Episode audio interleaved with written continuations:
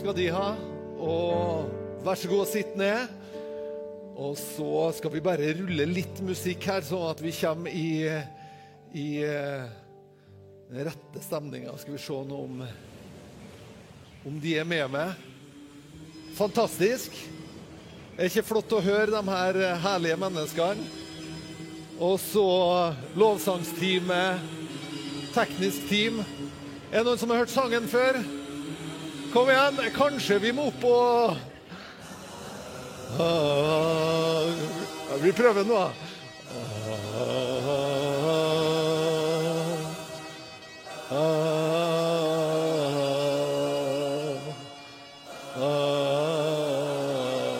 Kom igjen. Rivers of Babylon,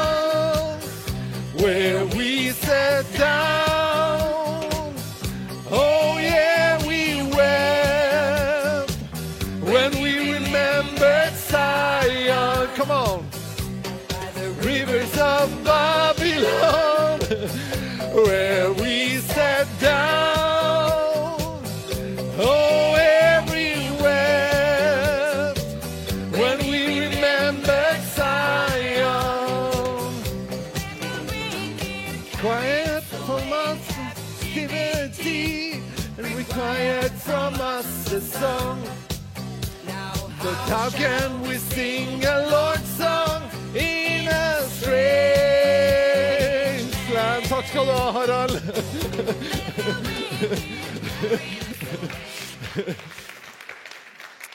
Så bra. Vi, vi, er jo kirke, vet du, så vi må jo få lov å ha litt eh, liv. Hvor mange som var liksom på høyden når Bonnie M var på høyden? Har vi noen som Ja, vi, det her er flott, altså. Og så er det jo enkelte sanger som er udødelige, er det ikke det?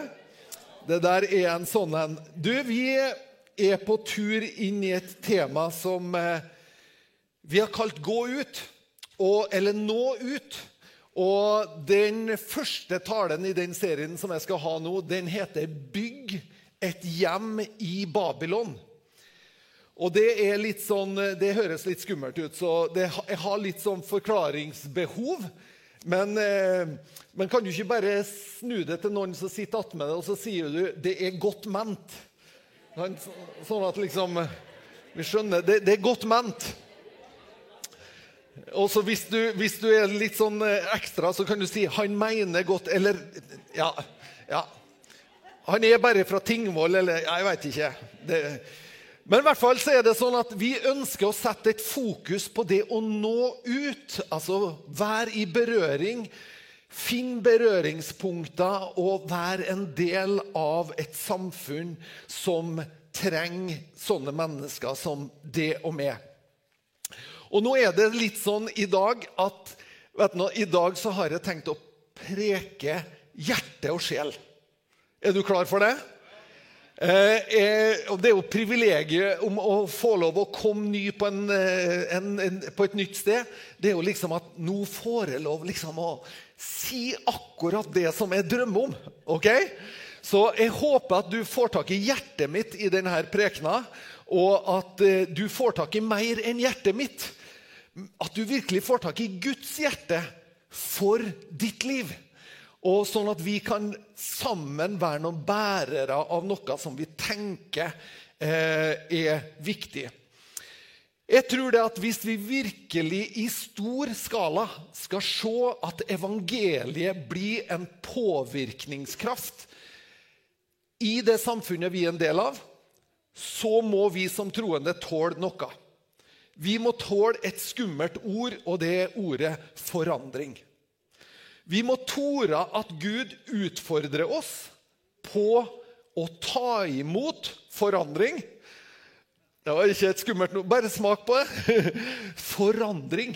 Det er, skummelt, det er et skummelt ord. Men jeg ønsker at du skal være klar for forandring. Ikke bare på en sånn måte ja, pastoren sa at det skulle bli forandring, men at det ligger som en lengsel i ditt eget liv.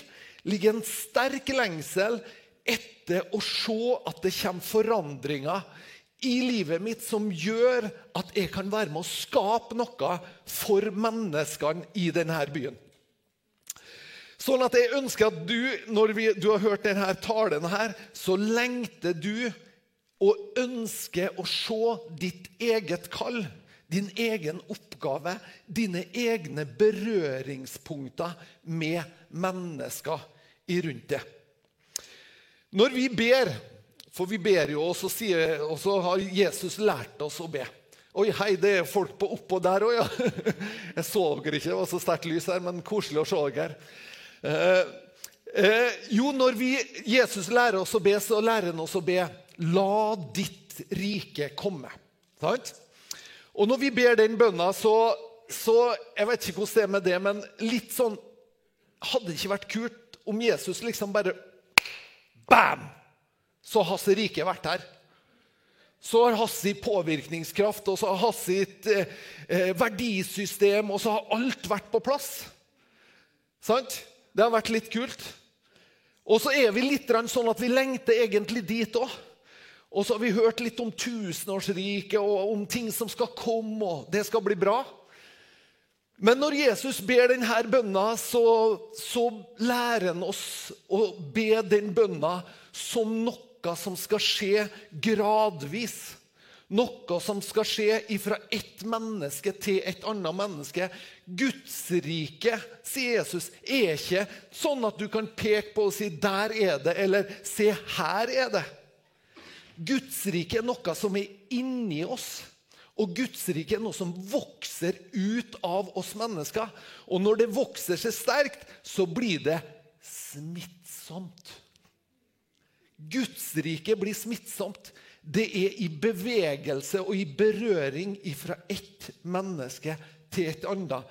Fra en person og til en annen person. Ifra et individ til et annet.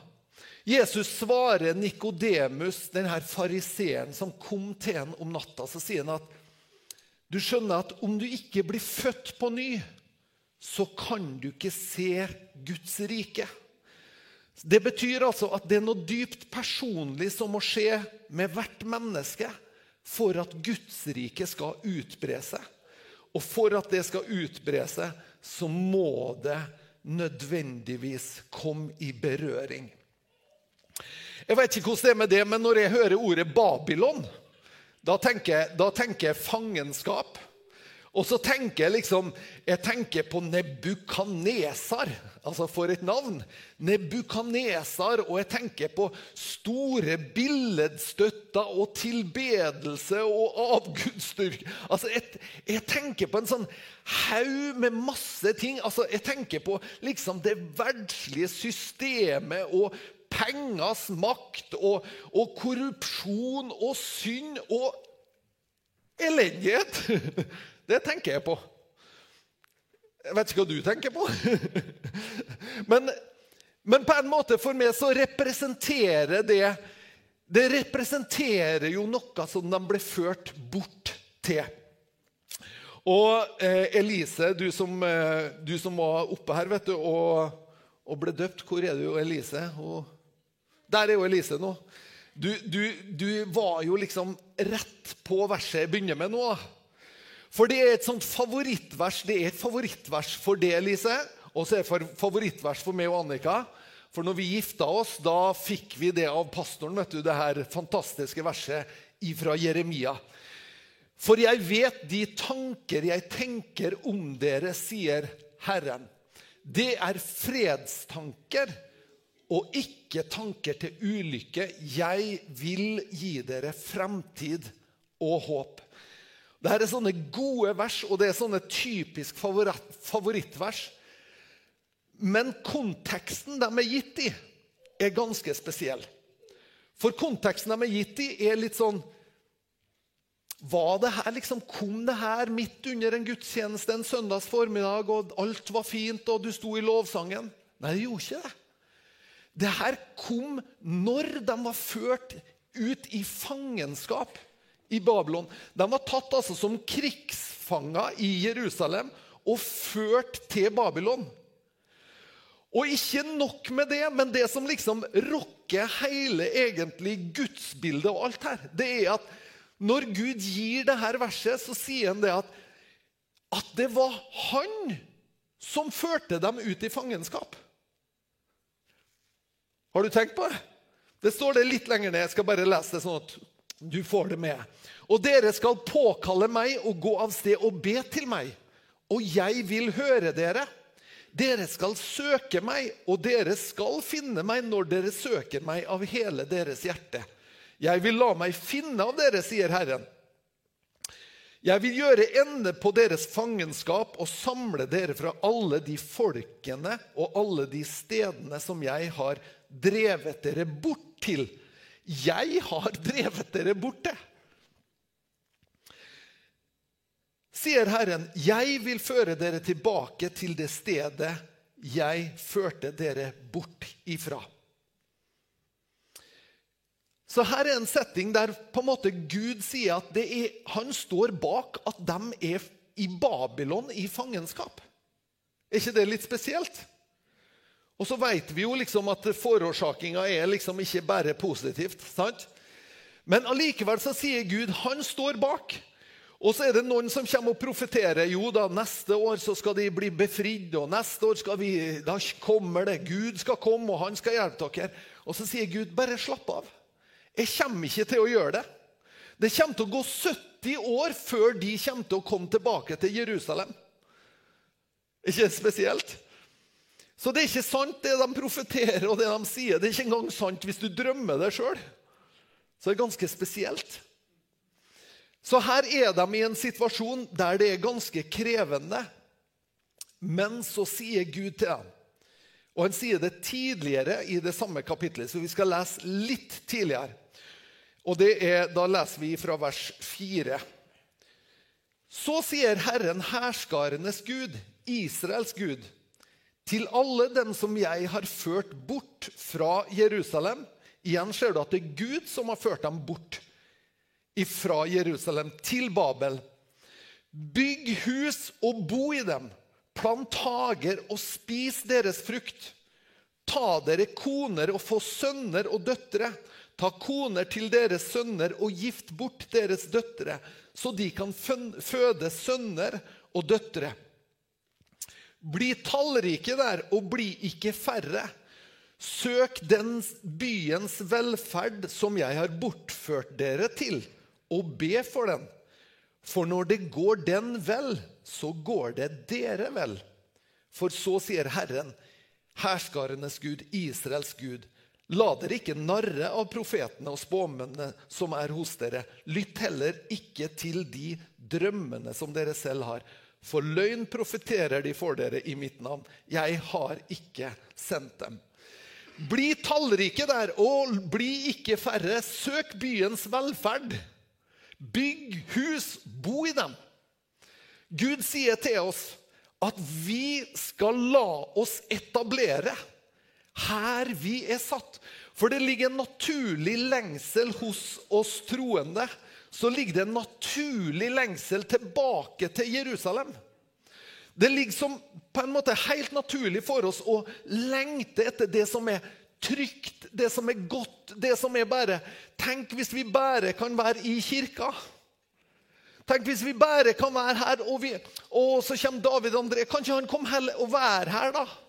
Må vi ha konsert? Kan ikke han flytte inn her, da? David? Og så har vi lovsangskonsert hele tida.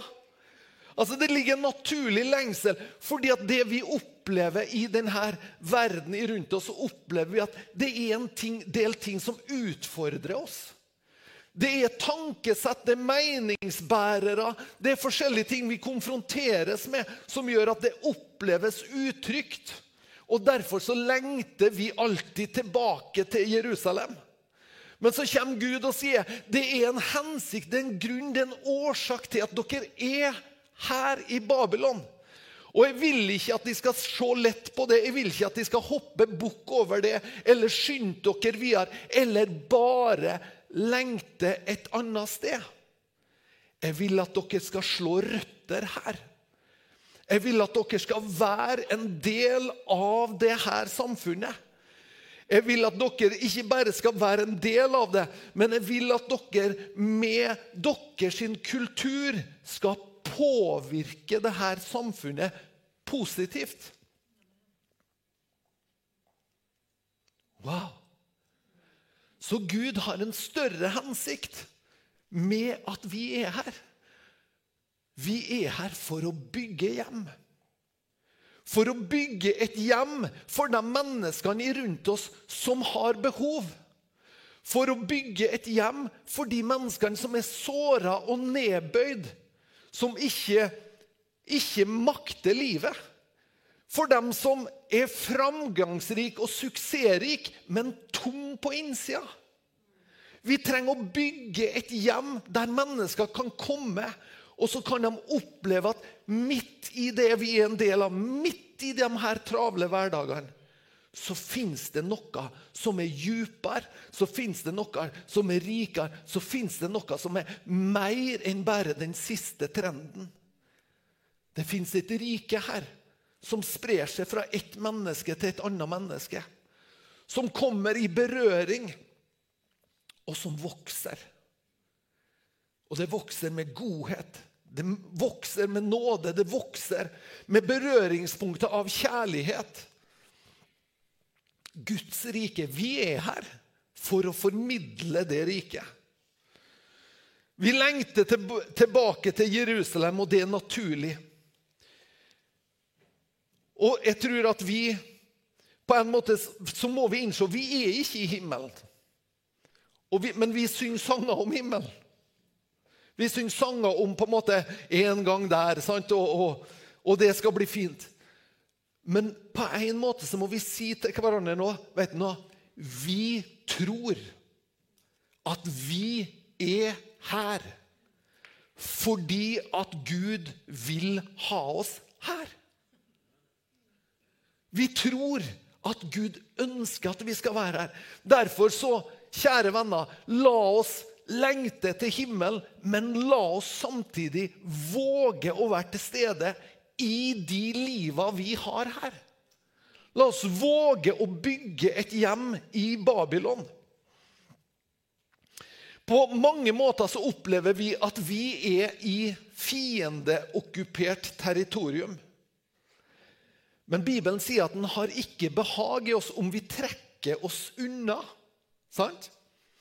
Og om vi våger å trekke oss unna vårt samfunn, om vi som troende, som er bærere av dette riket, om vi trekker oss unna, så overlater vi neste generasjon til sekularisme og humanisme. Det er vi som gjør det.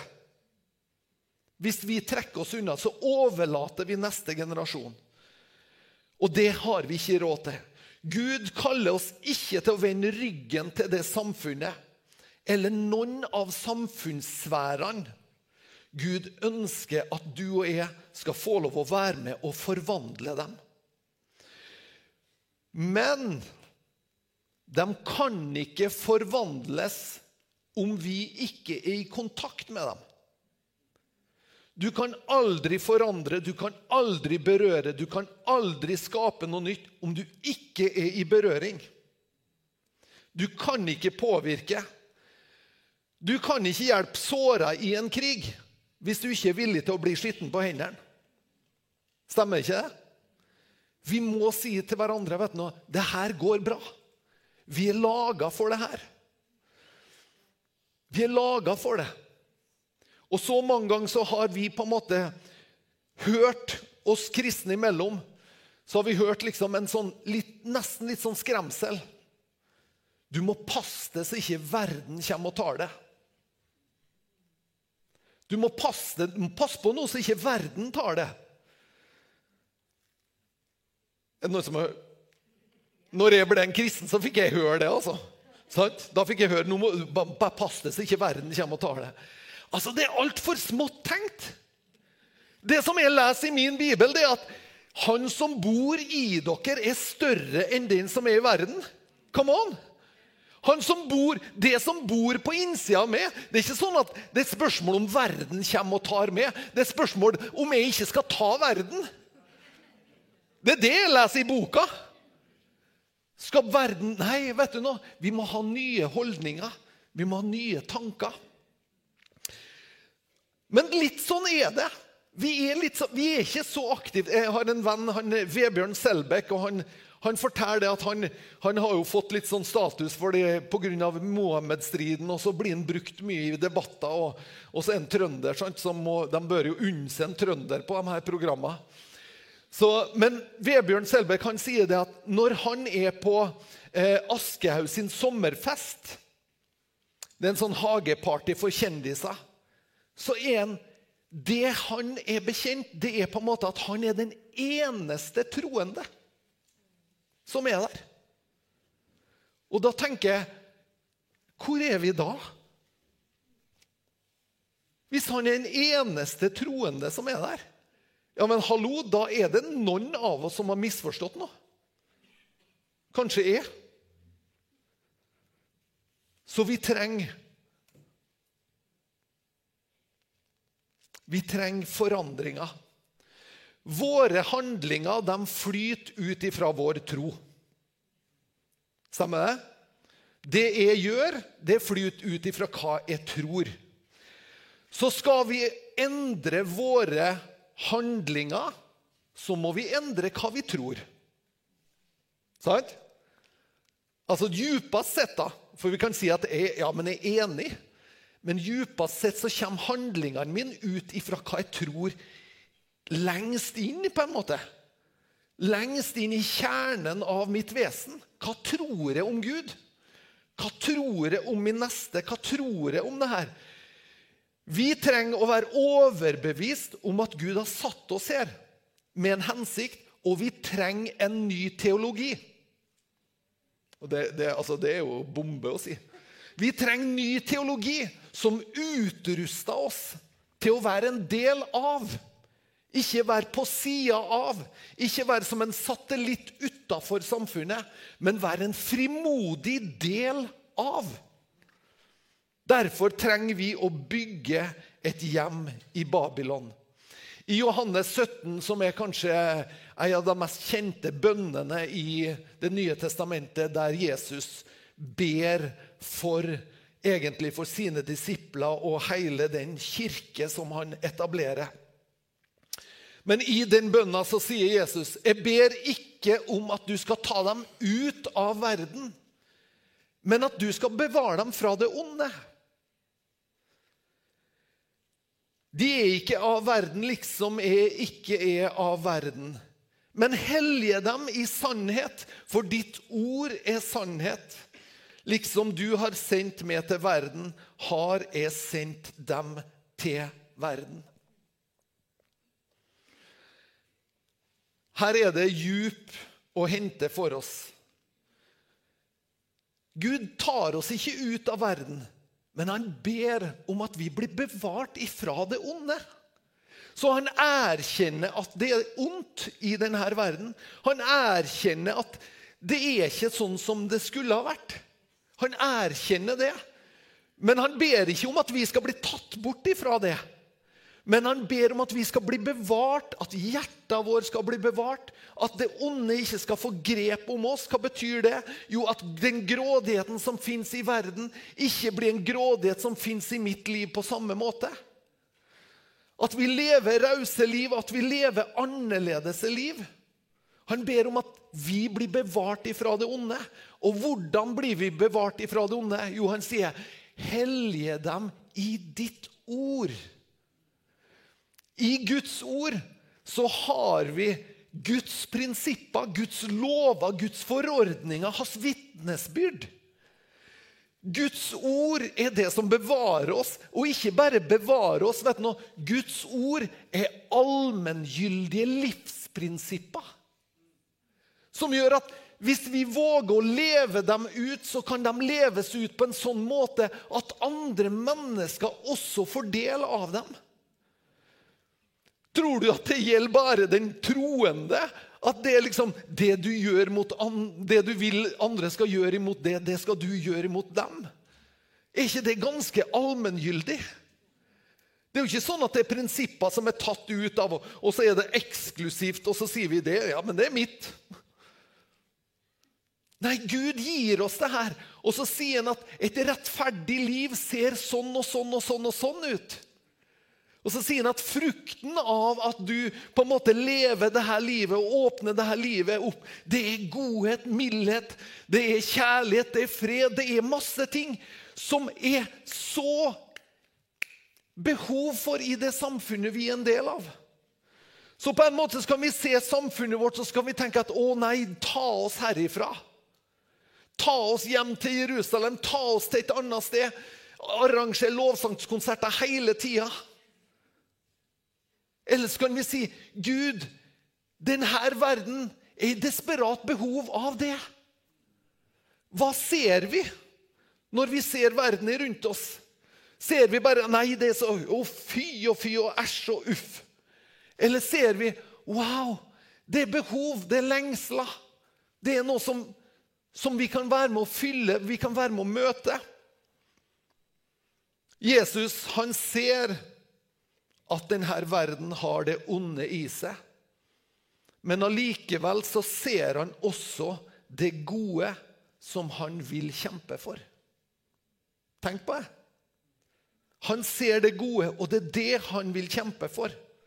At det gode som fins i mennesker, kan få, kan få drivstoff, kan få styrke, sånn at det kan begynne å vokse godhet isteden. Si til naboen din han preker bra, han Indergård.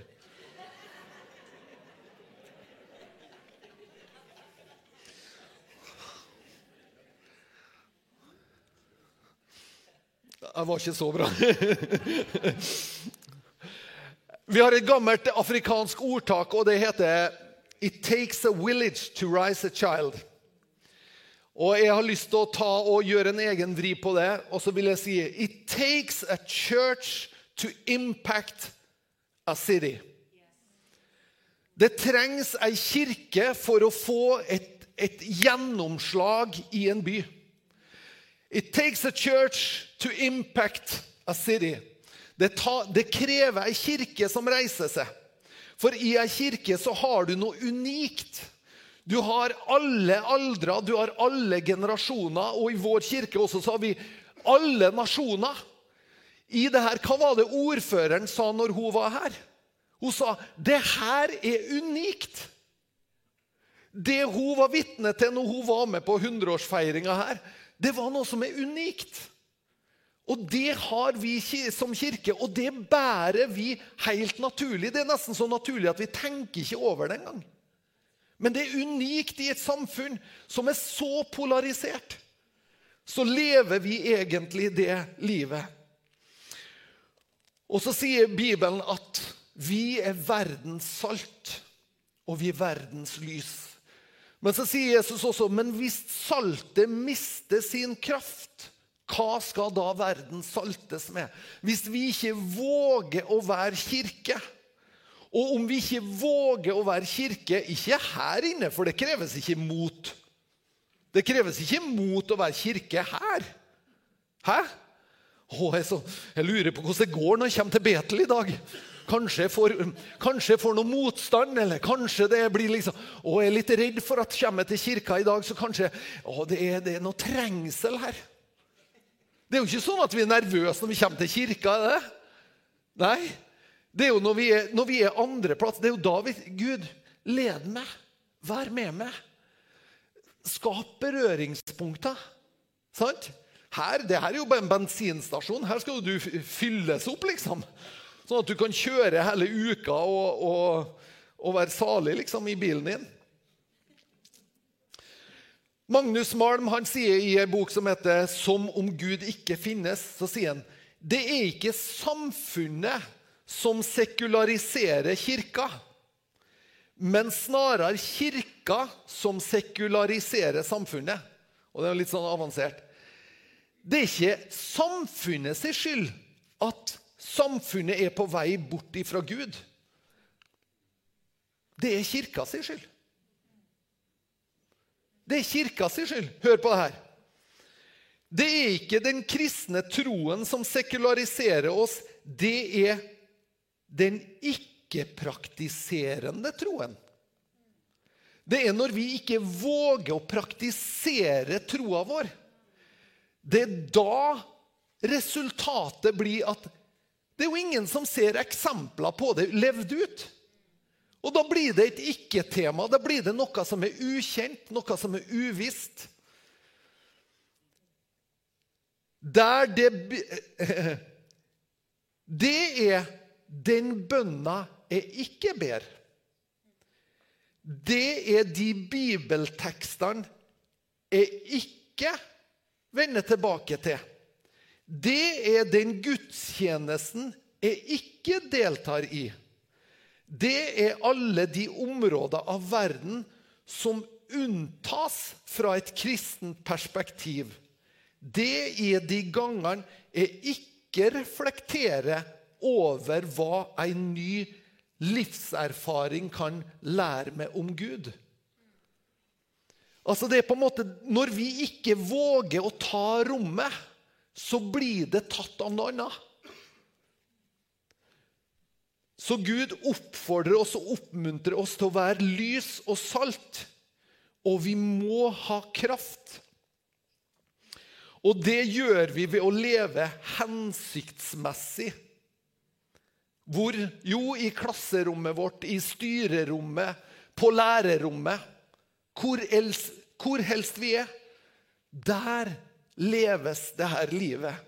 Og der vil også Jesus være sammen med oss. Hør en gang til hva vi leste i Jeremias 29. Se til at den byen som jeg har ført dere bort til, må ha fred og framgang. Hørte jeg? Se til at den byen jeg har bortført dere til, skal ha fred og framgang. Er det noen her som er klar for å ta på seg ansvaret i dag? Har vi noen frivillige som kan se til at Trondheim får fred og framgang? Ingen så, ja, det er bra. Har vi noen frivillige? Supert. Men for et oppdrag! Vi skal se til at byen har fred og framgang. Ja, det gjør vi vel bra med å tie stille og ikke si noe til noen? Hæ? Tenk for et oppdrag. Og hva er det som ligger i det? For når det går å be for den, og, og hvis du tar med en oversettelse ha fred og framgang, så betyr framgang det betyr velferd. Eller prosperity. At byen har framgang. Hvordan kan en si det? Jo,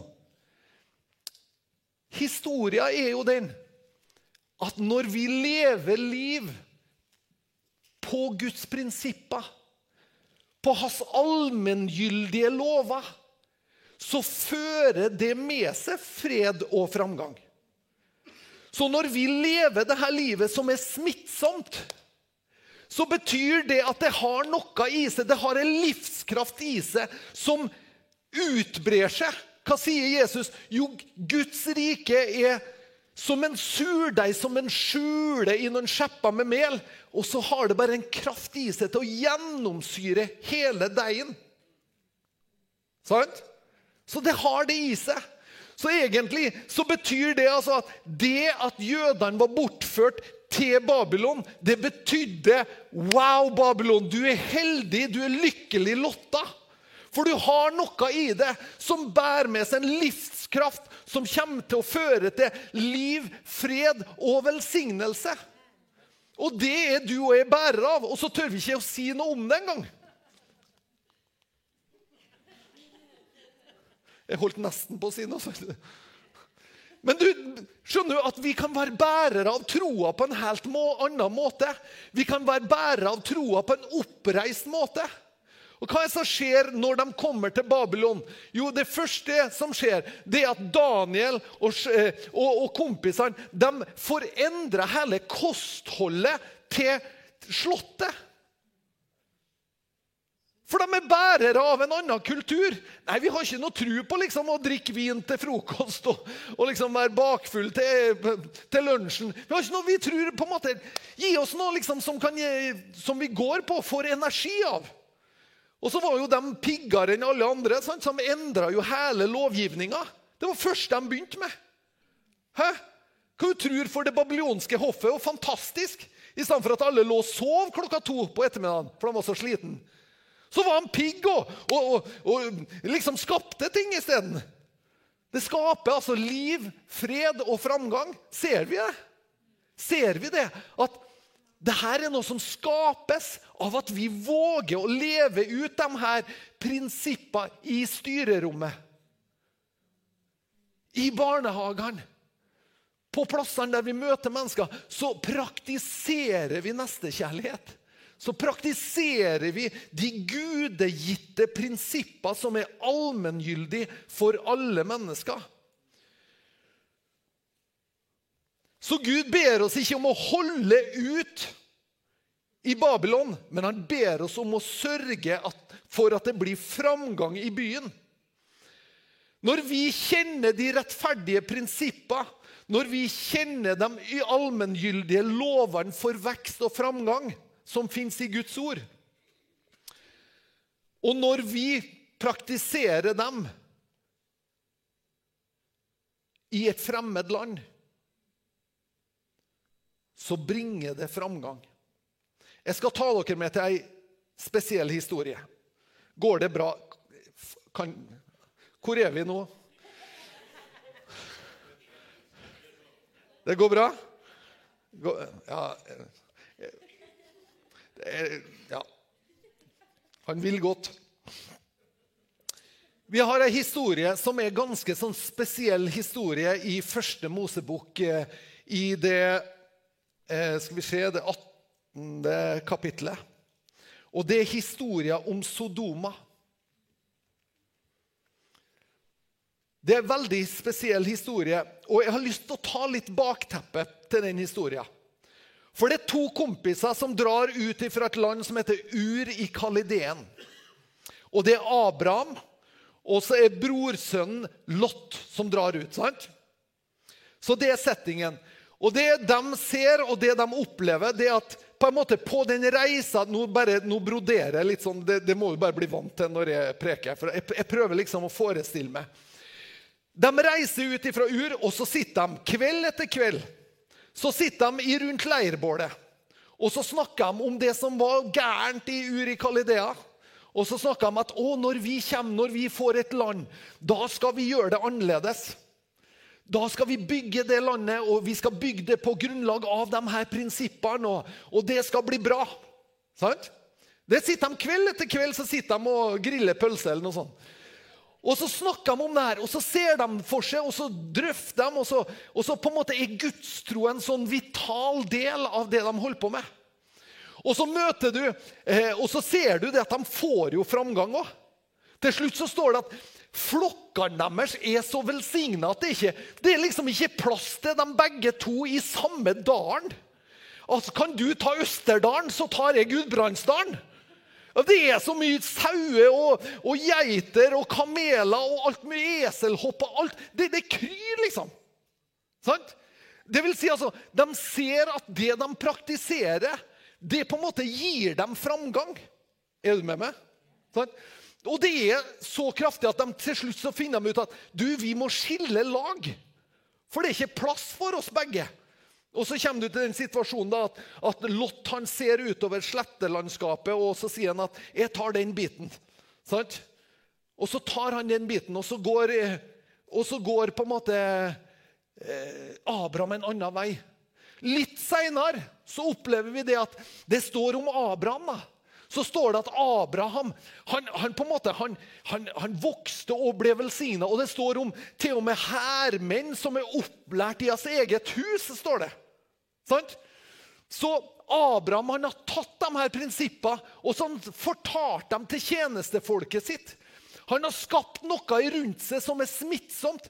Han har gitt del av noe til folk rundt seg. Så han hadde til og med en personlig hær på 300 mann som var opplært i å frykte Gud. Wow! Og så tenker vi wow! Og så tenker Gud nettopp sånn var det det skulle være. For det var akkurat det han sa til Abraham. Jeg har kalt Abraham for at han kan lære sine barn og sine barnebarn og sine barnebarns barn hvordan de skal frykte Herren, og hvordan de skal ta vare på hans sine lover, prinsipper. Sant? Det er bakteppet her. Hva ble vi enige om? Vi ble enige om å påvirke. Ble vi ikke? La oss bare gå litt inn i historien. I kapittel 18 og vers 17 i første Mosebok. Da sa Herren skulle jeg, eh, skulle jeg vel skjule for Abraham det jeg er i ferd med å gjøre? Abraham skal jo bli et stort og mektig folk, og i ham skal alle jordens folk velsignes. Jeg har utvalgt ham for at han skal befale sine barn og sitt hus etter seg at de skal følge Herrens vei og gjøre rett og rettferd, slik at Herren kan la Abraham få det som han har lovt han. Ser de? Ser de? At Gud på en måte sier det her er, det her er pakka. Lev ut det her livet. Påvirk med det her livet. Og da blir du velsigna av Herren. Og så står det videre I vers 20 står det Herrens klagerop over Sodoma og Gomorra er sannelig stort. Og så står det visse ting der, da. Vers 23 så står det Abraham trådte nærmere og sa Vil du rive bort den rettferdige sammen med den ugudelige? Kanskje det er 50 rettferdige i byen. Vil du da rive dem bort? Vil du, vil du ikke bære over med stedet for de 50 rettferdiges skyld, som kunne være der? Være det langt borte fra deg å handle på dette vis og slå i hjel den rettferdige sammen med den ugudelige, så det går den rettferdige på samme måte som den ugudelige. Slik være langt borte fra deg. Skulle ikke all jordens dommer, dommer gjøre rett? Veldig spesielt. Men hør her. Abraham går i rette med Gud.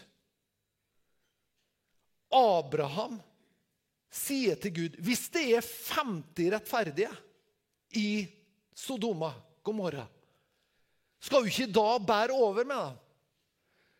Og så vet vi hvordan han forhandler med Gud. Så sier han jeg prøver meg litt lenger ned. 45, da. Fortsatt OK? 40, 30, 20, 10. Og Gud sier om det er ti rettferdige, så skal jeg spare byen. Grusom bakhistorie her nå for å få Men i Abraham så lå det ei forventning om at Lot hadde påvirka sine omgivelser. Så når Abraham sier til Gud hvis det fins 50, så hadde han en forventning om at på den tida som Lot har bodd i byen, så burde han i hvert fall ha påvirka 50. Så burde han i hvert fall ha vært så tydelig med sitt liv at han har fått noen berøringspunkter som gjorde at mennesker rundt har ville hatt del av det han praktiserte. Skjønner jeg? Og han går så, altså Hos Abraham i hans tanker så går han så langt ned som til ti. Og Abraham går da hjem og forlater Gud. Så går han hjem, og så tenker han det med seg sjøl. Jeg har berga byen. For det må jo finnes tid. Det må jo finnes tid. Altså, Lot har jo bodd der i en årrekke. Det må jo finnes ti rettferdige i, Sodoma. Lot har jo vært der så lenge, og vi snakka jo om det her ved leirbålet. Så det er altså ikke på, det er, på, det er på en måte ikke på kartet hos Abraham å spørre om fem. Eller å spørre om det er bare Lot sin familie, da. Skjønner du? Fordi at det her har i seg Guds rike sånn at det brer om seg. Det kommer i berøring med flere. Det brer om seg. Og det er nettopp det. Så når Abraham tenker at det her er jo Og så sier han Og hvorfor? tenkte jeg. Hvorfor sier Gud ja, men hvis det er ti rettferdige, ja, men klart det sparer byen. Hvorfor det? Jo, for hvis det er ti, så fins det håp om at her kan spiralen snus. Så fins det et håp om at i de ti så fins det ei sprengkraft til berøring med hele byen, som gjør at ja, men gi de ti litt tid, da. Så kommer de til å være i berøring med så mange at hele byen kommer til å være berørt. Fordi at Guds rike er som en surdeig som du skjuler inn og skjepper med mel. Til det har gjennomsyra. Det er det Guds rike er tenkt til. Derfor så må vi våge å si at vi, vi er her med en hensikt. Vi er her for å bygge et hjem i Babylon. Vi er her ikke fordi at, vi, fordi at noen har tvinga oss til å være her, eller fordi at noen syns at det ja, Men vi er her fordi at Gud har satt oss her, og han ønsker at vi skal være i berøring. Herren fant ikke ti rettferdige i byen. Hadde han funnet det, hadde det også vært håp for byen. Det har sett så annerledes ut. Så sier altså Jesus, når han ber for oss, så sier han Liksom du har sendt meg til verden, så har jeg sendt dem til denne verden. Vi er sendt hit. Vi er kalt til å være her. Vi er kalt til å slå røtter. Vi er kalt til å være en del av samfunnet, til å være en del av samfunnssfæren. Kunst, kultur, politikk, næringsliv, underholdning. You name it. Vi er kalt til å være en del av det her og prege det. Så vi trenger en teologi som hjelper oss å se vår rettmessige plass i samfunnet. Det trenger vi. Du er kanskje her, og så tenker du Erlend, jeg har eh, mista litt fokuset. Eller du er kanskje her også som har hatt fokus, men så har du latt andre få lov å legge lokk på det. Legge lokk på frimodigheten din. Legge lokk på måten du bærer evangeliet. Du er kanskje her også som ikke kjenner det her livet vi snakka om, om de her rettferdige prinsippene. Og, og, du trenger kanskje å begynne med bare å be ei enkel bønn. Sånn at du får starta på denne reisa. Vi skal be til slutt. Og jeg har lyst til at vi skal, for det som kanskje ikke kjenner det her livet i det hele tatt, eller for det som ikke ja, har kanskje latt det gli unna, så jeg har lyst til at det skal hjelpe til med ei kort bønn. Hvis vi kan få opp ei bønn, så kan vi be den sammen. Skal vi be den sammen? Takk, Jesus, for dagen i dag. Jeg ønsker at du skal fylle mitt liv med din fred.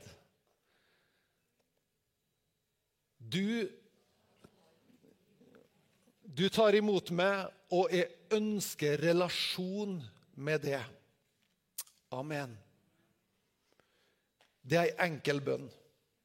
Hvis det er første gangen du har bedt den bønna, så er det første av mange bønner du kommer til å be. Og den første av mange samtaler du kommer til å ha med Gud.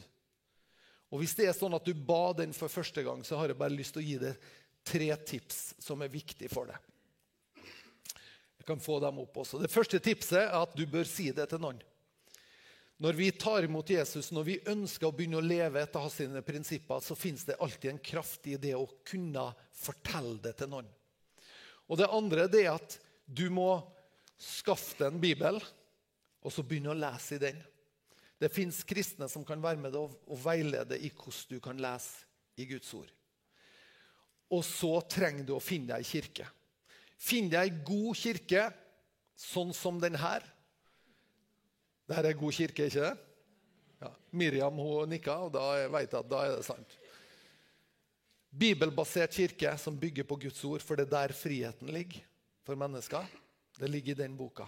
Så det er tre enkle tips. Ta kontakt med noen, og snakk med noen i etterkant av dette møtet.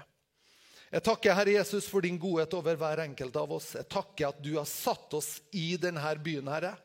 Du har satt oss her for å berøre mennesker, Herre. Og så ber jeg og takker for alle som er her representert. Herre. Vi representerer så mye forskjellig av kontaktpunkter, av muligheter, av berøringspunkter. Jeg takker for hver enkelt, Herre. Og så takker jeg også, Herre, for framtida og for de utfordringene du legger foran oss, Herre. At vi får lov å ta imot de utfordringene utfordringene, og at vi får lov å gå inn i det du leder oss inn i.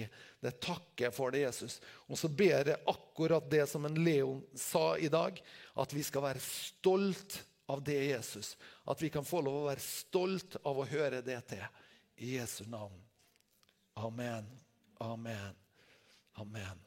Skal vi stå opp sammen, og så skal vi ta imot velsignelsen. Jeg håper at de kan ha tålmodighet med meg at jeg var litt ivrig i dag. Og at jeg var litt lang. Alle som er litt sånn unge ung og syns at det var kjedelig å være på møte, uh, det, de syns jo ikke det. Det var jo ikke kjedelig. sa jeg. Det var jo ganske bra. Ja, det var det. Kjempebra. Da skal vi lyse Herrens velsignelse og ta imot den. Herren velsigne det og bevare det. Herren løfte sitt ansikt på det og gi det nåde. Herren løfte sitt åsyn over det og gi det fred. I Jesu navn. Amen. Amen. Tusen takk for i dag. og